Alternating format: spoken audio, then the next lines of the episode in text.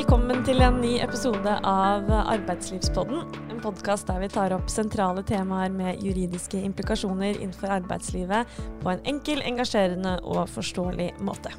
Podkasten passer for alle som møter arbeidsrettslige utfordringer, men særlig ledere og HR-personell i norske bedrifter. Og I dag så skal vi til Ålesund, der eh, Maria og Malin eh, er. Hei! Hei, hei.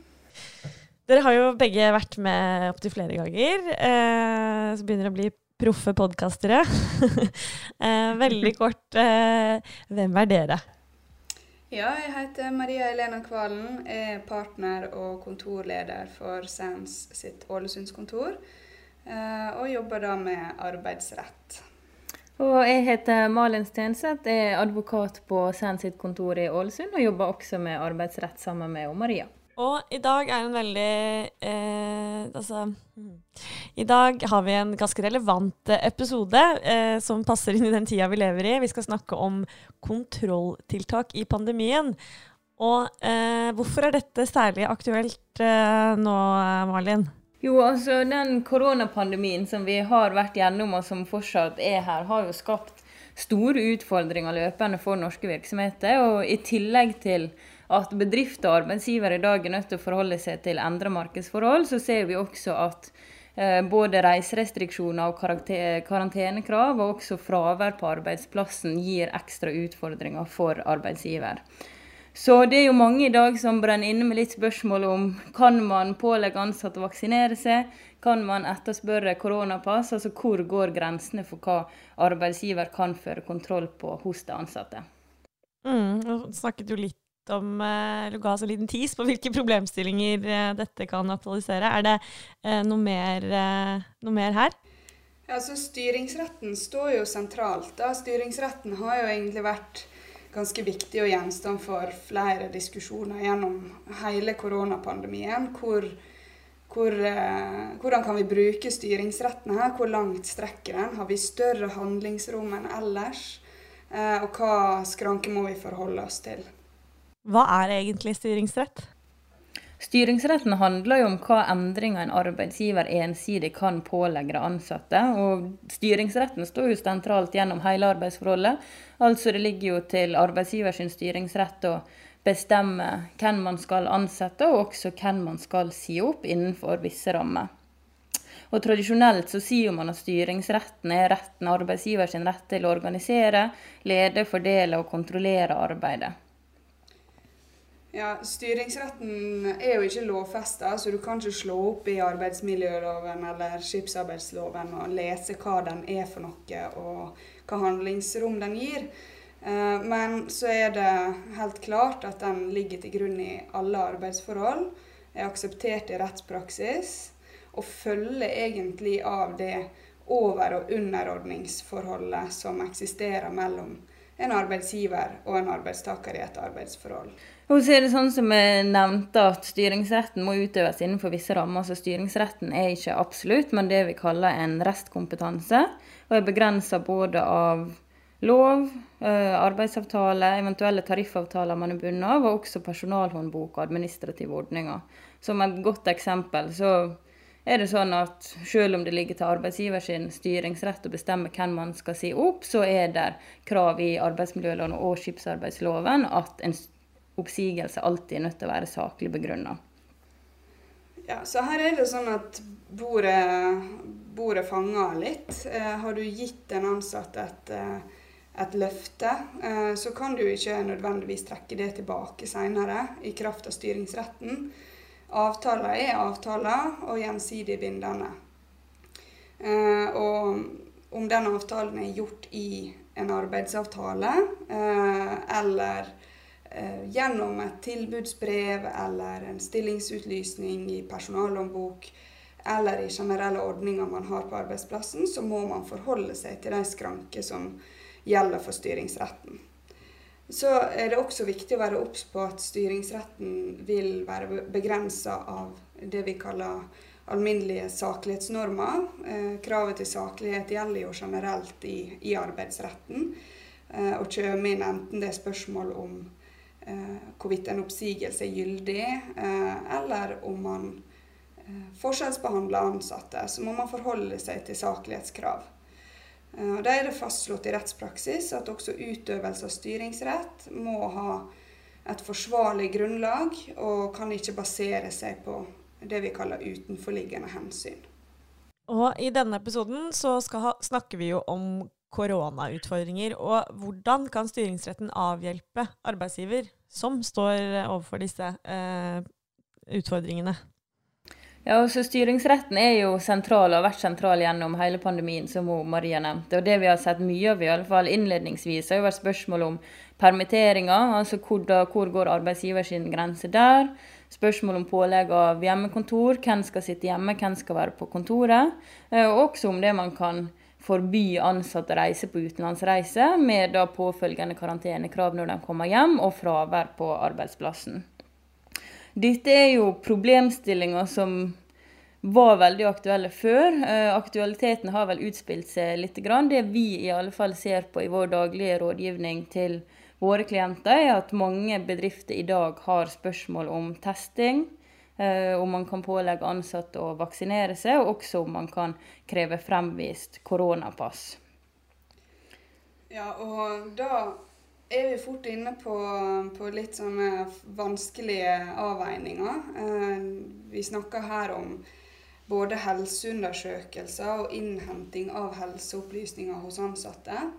Eh, det omfattes av arbeidsmiljølovens og skipsarbeidslovens regler om kontrolltiltak, eh, og vil være da en klar begrensning for styringsretten. Så det, her er det regelsett man må Eh, forholde seg til og passe på at man er innafor det. Og kontrolltiltak, Maria, hva er egentlig det? Jo, et kontrolltiltak er alle tiltak som en arbeidsgiver iverksetter med et formål eh, om å overvåke eller kontrollere ansatte. Uh, det er jo et, uh, et vidtomspennende begrep, kontrolltiltak. Det omfatter alt fra egentlig Eh, innsyn i ansattes e-postkasse til, sånn som vi var inne på her, innhenting av helseopplysninger. Eh, det kan også være snakk om overvåkning av telefonbruk. Videoovervåkning på arbeidsplassen er jo et aktuelt tema. GPS-sporing av biler som ansatte bruker på, i arbeidet sitt. Det kan være kroppsvisitering, bruk av etterforskere eller testing for å avdekke rusmiddelbruk. Så her er det ja, ganske mange tiltak da, som omfattes av reglene om kontrolltiltak. Og så er det også sånn at I og med at det er så mange former for å føre kontroll, om vi har en teknologisk utvikling som går rasende fort, så blir jo det enklere og enklere for arbeidsgivere i dag å føre ganske vid kontroll med de ansatte. og Derfor så er det også satt ganske klare grenser både i arbeidsmiljøloven og skipsarbeidsloven på hva kontrolltiltak som kan settes i verk av arbeidsgiver, og hva grenser og regler som gjelder for ulike kontrolltiltak. Så gjelder det også egne forskrifter på en del av disse områdene. F.eks. har vi egne forskrifter om innsyn i e-postkasse. Så her er det viktig å gjøre god research man, før man setter i gang med, med, tiltak, for å se om det er noen ekstra regelsett man må forholde seg til. Jeg syns jo at disse kontrolltiltakene du, du, nevnte, det er jo det er jo Ja, hva skal man si, det kan jo føles inngripende, men hva er egentlig grensene, eh, Malin? Jo, altså det er tre sånne hovedvilkår eller hovedkriterier som man er nødt til å gå gjennom før man setter i gang et kontrolltiltak. Man må først se på hva er formålet med kontrolltiltak. Altså hvorfor har man et ønske eller behov om å gå inn og se på denne arbeidstakeren sin e-postkasse eller føre Eh, overvåkning med kamera f.eks. Eh, og det behovet eller formålet er nødt til å ha en saklig forankring i virksomheten sin drift. Kontrolltiltaket må også løpende evalueres etter at det er iverksatt, og avsluttes når det ikke lenger er behov for å føre kontroll. Uh, og I tillegg så må man alltid foreta en vurdering av om virksomheten sitt behov for å gjennomføre kontrolltiltaket veier tyngre enn de ulempene som arbeidstakeren utsetter seg for gjennom å bli ført kontroll med. Altså det vi kaller at kontrolltiltaket ikke skal innebære en uforholdsmessig belastning for arbeidstakerne. Så er det jo viktig da at det tiltaket man velger eh, å iverksette, det må jo være selvfølgelig egnet til å avdekke de forholdene eller forebygge den risikoen man ønsker å, å eliminere. Eh, og hvis du kan velge mellom flere ulike tiltak for å oppnå formålet, så skal man selvfølgelig alltid velge det minst belastende tiltaket for arbeidstaker. Eh, så er det også slik at eh, hvis man som arbeidsgiver har iverksatt flere typer kontrolltiltak, så må man vurdere disse samla. Eh, for det kan jo være slik at ett tiltak alene er ansett saklig og, og forsvarlig å, å, ha innført. Men sammen med alle de andre kontrolltiltakene arbeidsgiver har innført, så kan det innebære en for stor belastning for, for arbeidstakerne. Så her må man rett og slett se på totaliteten. Og vi begynte jo, Inngangen her var jo arbeidsgivers styringsrett. Det vi ser, er jo at alle disse eh, reglene og vilkårene for kontrolltiltak utgjør jo da også en skranke i arbeidsgivers styringsrett, som står veldig sentralt da i disse koronaproblemstillingene som veldig mange har i dag. Kan være greit vi sier noe om saksbehandling, eh, Malin. fordi det er jo også noe som er en gjenganger i, i arbeidsretten. Eh, før man innfører et kontrolltiltak, så har man også en drøftingsplikt. Man skal drøfte kontrolltiltaket med de tillitsvalgte eh, og, og, informere da om disse vurderingene man har foretatt av både formålet og, og denne forholdsmessighetsvurderinga. Så bør man også vurdere om tiltaket innebærer behandling av personopplysninger, eh, og hvorvidt det er tiltatt tillatt etter reglene om det. F.eks. personopplysningsloven og GDPR. Så er det jo også eh, en informasjonsplikt her. Du skal informere alle arbeidstakere om både formålet med kontrolltiltaket, hva de praktiske konsekvensene vil være for de ansatte, eh, hvordan vil kontrolltiltaket blir gjennomført, og hvor lenge antar man at det skal vare. Så som Amalie nevnte, denne evalueringa er viktig å ha med seg. Du må evaluere kontrolltiltak også jevnlig med de tillitsvalgte. Og sørge for å avvikle det hvis det ikke lenger er eh, behov eller vilkårene for øvrig er til stede. Og så kom jo disse koronaproblemstillingene inn, eh, eh, som du nevnte, Malin. Kan arbeidsgiver pålegge vaksinering og fremvisning av koronapass? Hvis vi begynner med vaksinering først, da, så er svaret nei. Altså å pålegge en ansatt å vaksinere seg er veldig inngripende. Og vi står jo i den situasjonen i dag at myndighetene kan jo ikke pålegge innbyggere å vaksinere seg. Det er kun et tilbud, og da kan heller ikke arbeidsgiver gjøre det. Om arbeidsgiver kan kreve fremvisning av koronapass, er langt mer usikkert og har vært gjenstand for stor diskusjon. Her har jo man to tunge hensyn som står mot hverandre. På ene sida arbeidsgivers behov for kontrolltiltaket, og arbeidstakers personvern på andre sida. Så er det jo slik at arbeidsgiver etter eh, regler i arbeidsmiljøloven, nærmere bestemt paragraf 9 2004 eh, kan kreve at medisinske undersøkelser av arbeidssøkere eller arbeidstakere foretas når det er nødvendig for å verne liv eller helse. Eh, der er det altså et krav til nødvendighet, og det er også, som nevnt, eh, for å verne liv eller helse. Det betyr jo at man må ha en særlig god grunn for å kartlegge disse helseopplysningene. Eh, det er også ganske inngripende å, å spørre en ansatt om, om opplysninger av medisinsk karakter og helsemessig karakter. Så, så kravet her er, er strengt. Eh, behovet her som, den, eh, som, virksomheten vil ha for å spørre om dette, vil jo selvfølgelig variere fra, fra virksomhet til virksomhet. Eh, det kan jo være at man leverer produkt eller tjeneste til grupper som har er i en særlig sårbar situasjon, f.eks. Eh, som risikerer å bli svært alvorlig syk av dette viruset.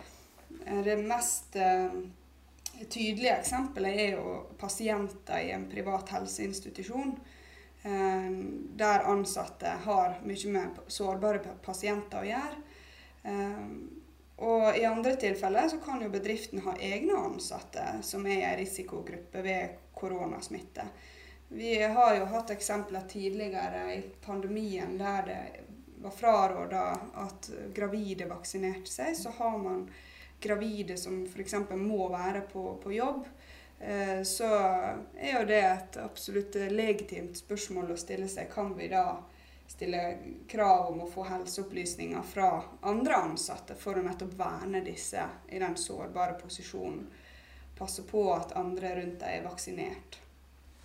Og akkurat dette skillet som du nevner, Maria, mellom helseinstitusjoner og andre virksomheter, har jo vist seg å være veldig aktuelt. Og Helsedirektoratet har jo så sent som for et par dager siden gått ut og ikke veldig spesifikt nevnt noe om pålegg om vaksine eller fremvisning av koronapass, men i alle fall uttalt at kommunene rundt om i landet må ha mulighet eller grunnlag for å kunne omplassere enkelte arbeidstakere som ikke ønsker å vaksinere seg, hvis det anses å være nødvendig for å kunne tilby forsvarlige helsetjenester. Og Bakgrunnen for at Helsedirektoratet nå går ut med de uttalelsene, er jo at vi den siste tida har lest veldig mange saker i nyhetene hvor man har dødsfall etter koronasmitte fordi at pasienter på helseinstitusjoner har blitt smitta av uvaksinert helsepersonell. Ja, Helsedirektoratet sier jo også at kommunene da kan vurdere å pålegge uvaksinerte arbeidstakere forsterka tiltak, eh, som f.eks. ekstra smittevernutstyr, ved nærkontakt med sårbare pasienter, hvis det anses nødvendig. Da.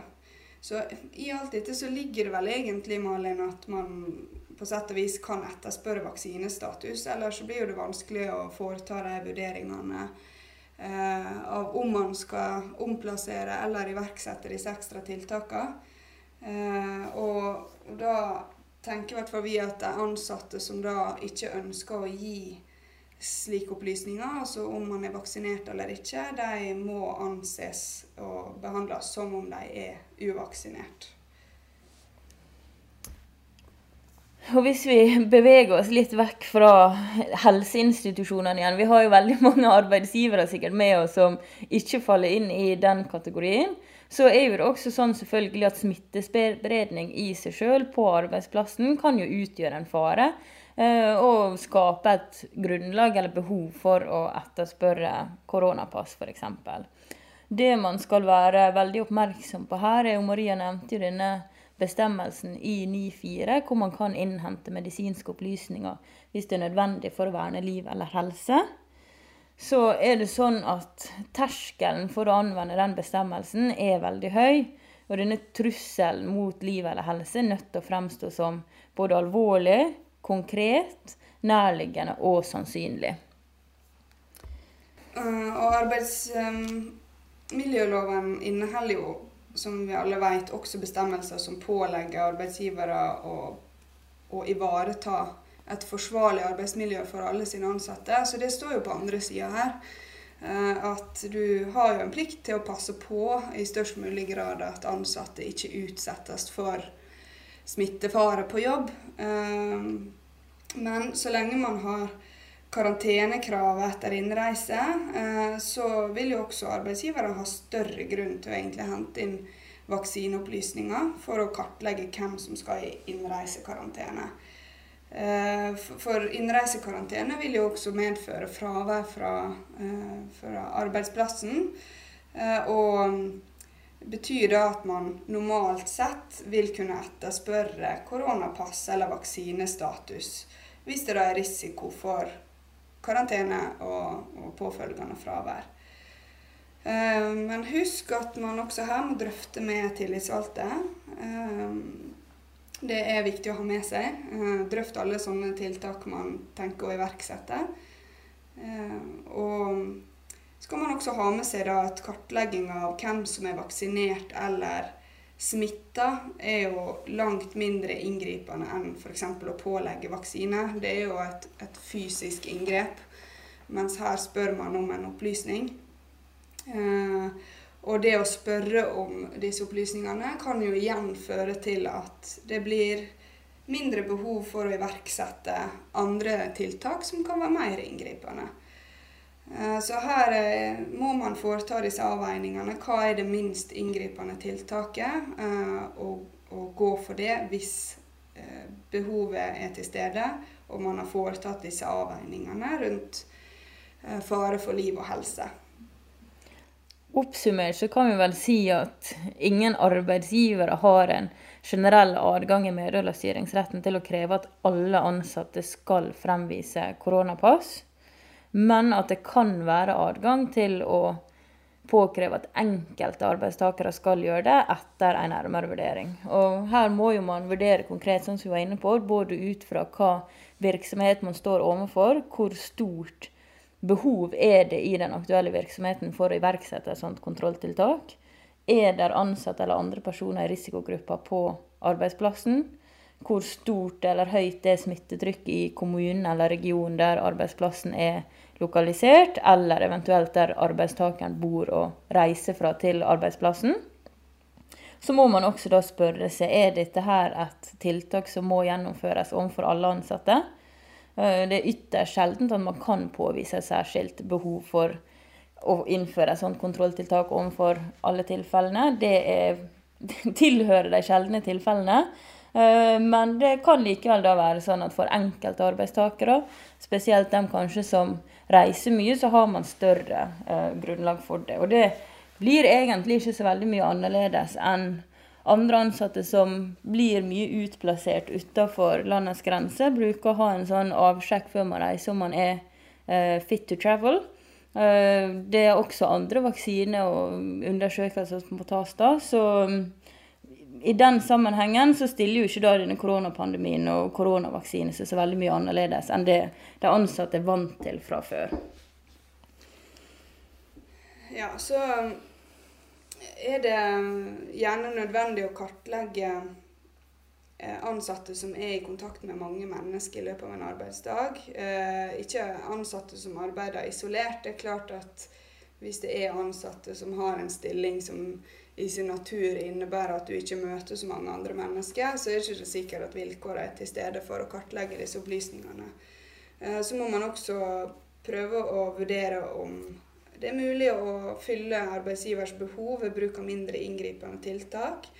Eh, kan de ansatte jobbe på heimekontor? Kan de tilbys andre arbeidsoppgaver? Eller kan man løse situasjoner, eh, arbeidsoperasjoner og situasjoner på en måte som gjør at ansatte i minst mulig grad kommer i kontakt? Det vet vi at en del arbeidsgivere har vurdert og innført eh, nye måter å løse arbeidsoperasjoner på.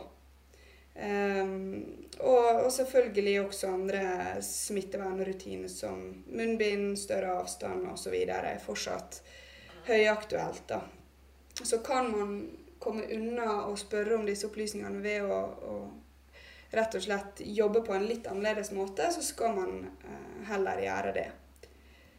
Uh, så må man samtidig ha i bakhodet hva vil konsekvensen være for våre ansatte, for våre kunder og for alle andre vi omgås med, hvis kontrolltiltaket ikke iverksettes. Er det da en høy risiko for at noen blir alvorlig syk eller kan dø ved smitte? Eh, og hva ulempe påføres den enkelte arbeidstakeren ved innføring av kontrolltiltaket? Og det er på en måte elementer som er viktige i den avveininga man da foretar eh, rundt hvorvidt kontrolltiltak skal iverksettes eller ikke. Ok, Da har vi snakket litt om eh, koronapass og det å pålegge vaksinering. Men hva med koronatesting? Jo, altså vi ser jo det at veldig mange vaksinerte i dag blir jo likevel smitta av koronaviruset. Og Derfor så kan man spørre seg er, kommer arbeidsgiver eller virksomheten helt i, behov, helt i mål ved å innhente koronapass.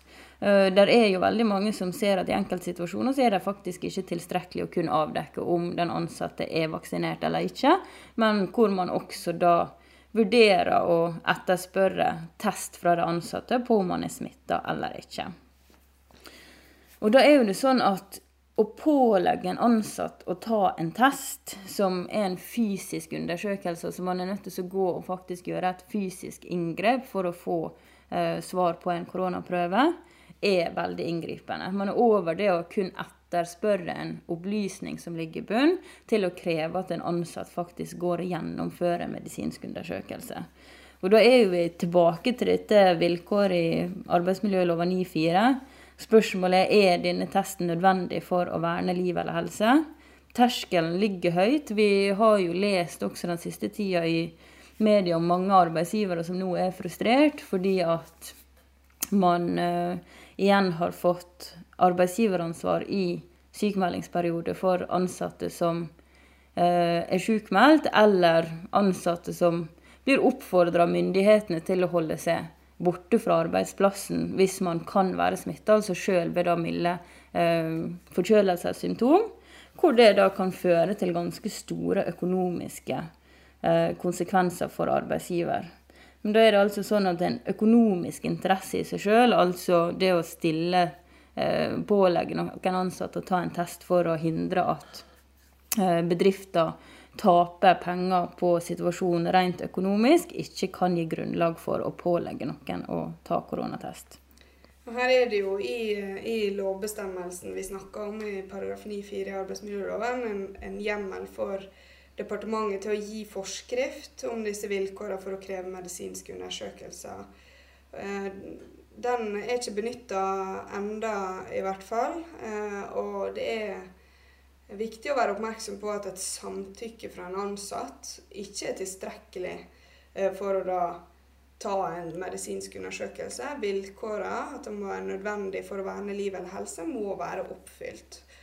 Eh, og det er altså ikke nok at det er utrolig kjipt for arbeidsgivere å få en stor økonomisk belastning ved denne her arbeidsgiverperioden, første del av sykefraværet.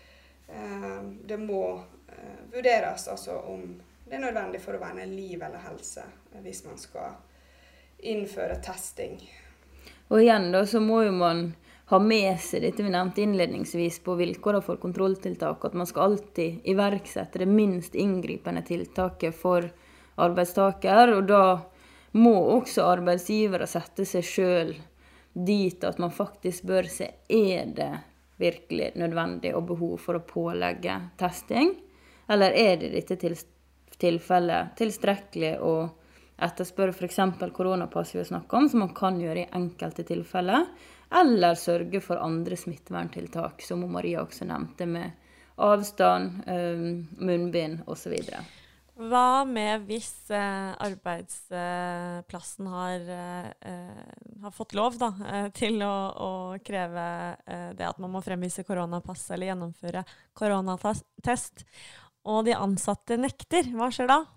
Jo, hvis det er gjennomført en forsvarlig og riktig vurdering og begrunnelsen for å innhente f.eks. opplysninger om vaksinasjonsstatus eh, er, er legitim eh, og i tråd med disse reglene for kontrolltiltak, så kan jo det å nekte eh, gi grunnlag for arbeidsrettslige reaksjoner. Da er det på en måte det samme som ethvert uh, annet instruksbrudd. For, men forutsetninga er, som du var inne på, da, at man måtte ha lov til å spørre om det i utgangspunktet, eller lov til å gjennomføre test i utgangspunktet. Uh, hvis konsekvensene for arbeidsgiver ved en sånn nektelse fra arbeidstaker er store nok, så kan jo det i ytterste fall medføre oppsigelse eller iallfall en advarsel overfor den ansatte. Eh, men her må man jo selvfølgelig vurdere det eh, konkret, da. Men pandemi er jo alvorlig, og vi snakker jo om det, eller alle snakker om at vi er på samme lag, og vi skal, få, vi skal komme oss ut av dette sammen. Eh, har arbeidsgiver større handlingsfrihet eh, i ekstraordinære situasjoner som korona faktisk er? Man kan jo si det sånn at ekstraordinære situasjoner krever ekstraordinære tiltak. Og vi har jo vært inne i en periode hvor man har vært eh, har hatt en dugnad, som du nevner. Eh, vi opplever jo at veldig mange arbeidsgivere og arbeidstakere er på lag med å slå ned smitten. At man møter stor forståelse for arbeidstakere. Og så sier jo man også sånn at styringsretten blir jo påvirka av samfunnsutvikling. Altså hvordan samfunnet utvikler seg, endrer seg, vil også få påvirkning på arbeidsgivers styringsrett, og hvordan arbeidsgivers handlingsrom utvikler seg. Hvor langt eh, handlingsrommet går, vil jo selvfølgelig avhenge av hvor ekstraordinær akutt situasjonen er. Vi er jo i dag kommet i en fase hvor korona er blitt en del av hverdagen. Eh, det er ikke noe som lenger er overraskende på oss. Eh, de fleste arbeidsgivere skal jo nå ha innretta seg godt til den nye normalen og den nye hverdagen. Eh, men noe utvida ramme har man. Men man kan likevel ikke glemme at styringsretten er bare en restkompetanse. De lovvilkår eller andre vilkår både i lov, arbeidsavtale og sånn som man har, vil alltid gjelde der. Eh, nei, alltid ligge der. Og arbeidstakeren vil jo selvfølgelig ha sitt personvern i behold, selv om man er inne i en pandemisituasjon. Sånn at det selvfølgelig da ikke likevel bare blir fritt frem for arbeidsgivere å kunne pålegge ansatte å vaksinere seg eller gjennomføre koronatesting fordi at man står i en pandemi.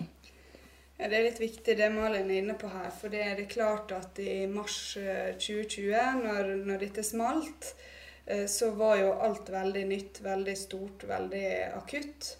Uh, og da fikk vi jo ofte disse spørsmålene hva kan vi gjøre. Uh, det var veldig mange uklare grenser, og, og man, man, kan kanskje si at det var mer akseptabelt å strekke strikken litt da, uh, for å få hjula til å gå rundt.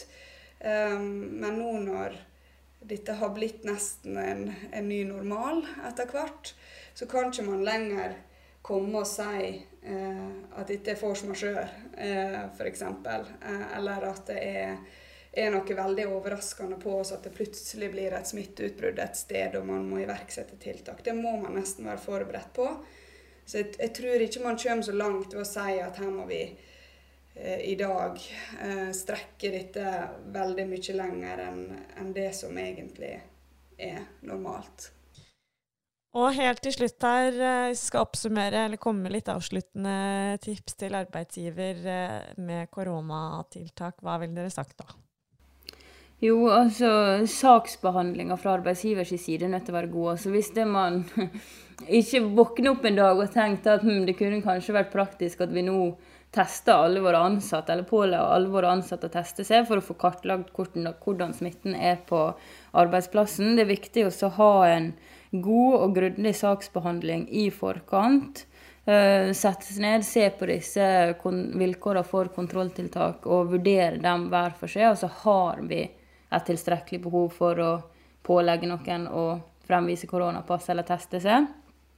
Kan vi oppnå eh, vårt formål, f.eks. For da å begrense smitte på arbeidsplassen ved andre tiltak? Eh, og hvor inngripende vil et sånt kontrolltiltak være for den ansatte. Så vet vi det at veldig mange arbeidsgivere som, som vi har vært i kontakt med, i hvert fall, de har seg ned og foretatt disse vurderingene. Um, er, er, innføring av, av, alle disse tiltakene vi vurderer, er det kontrolltiltak? Og i så fall eh, følge prosedyrene for det, drøfte det osv. Og, og sette seg ned og ha en god dialog med tillitsvalgte på hva, hva er nødvendig hos oss. Eh, hvordan eh, sørge for at vi ivaretar eh, helsen til våre ansatte, arbeidsmiljøet til våre ansatte, eh, og samtidig ikke gå for langt. Eh, og det, det, tror jeg er fornuftig. Å rett og slett ta den vurderinga, gjøre den grundig. Ha en god dialog med tillitsvalgte, og også med de ansatte. Sørge for å informere godt eh, og få forståelse. Eh, men husk samtidig på at et samtykke fra, fra tillitsvalgte eller arbeidstakerne sjøl er ikke nok. Du må ha gjort vurderingene, de må være forsvarlige, og vilkårene må være oppfylt. Så er det slik at arbeidsgiver vil alltid ha bevisbyrden. Eh, sørg for skriftlighet rundt de vurderingene som er gjort, og protokoller drøftelsene som blir foretatt, og de vurderingene du gjør også evalueringene underveis hvis man da har innført et kontrolltiltak. Det er særs viktig. Gode ord fra Maria og Malin. Eh, da har vi kommet oss gjennom denne episoden om koronatiltak. Og så ja, er det vel bare å kontakte dere om det, man trenger hjelp, er det ikke det? Absolutt. Tusen takk for at dere, dere var med. Vi snakkes snart igjen i Arbeidslivspodden.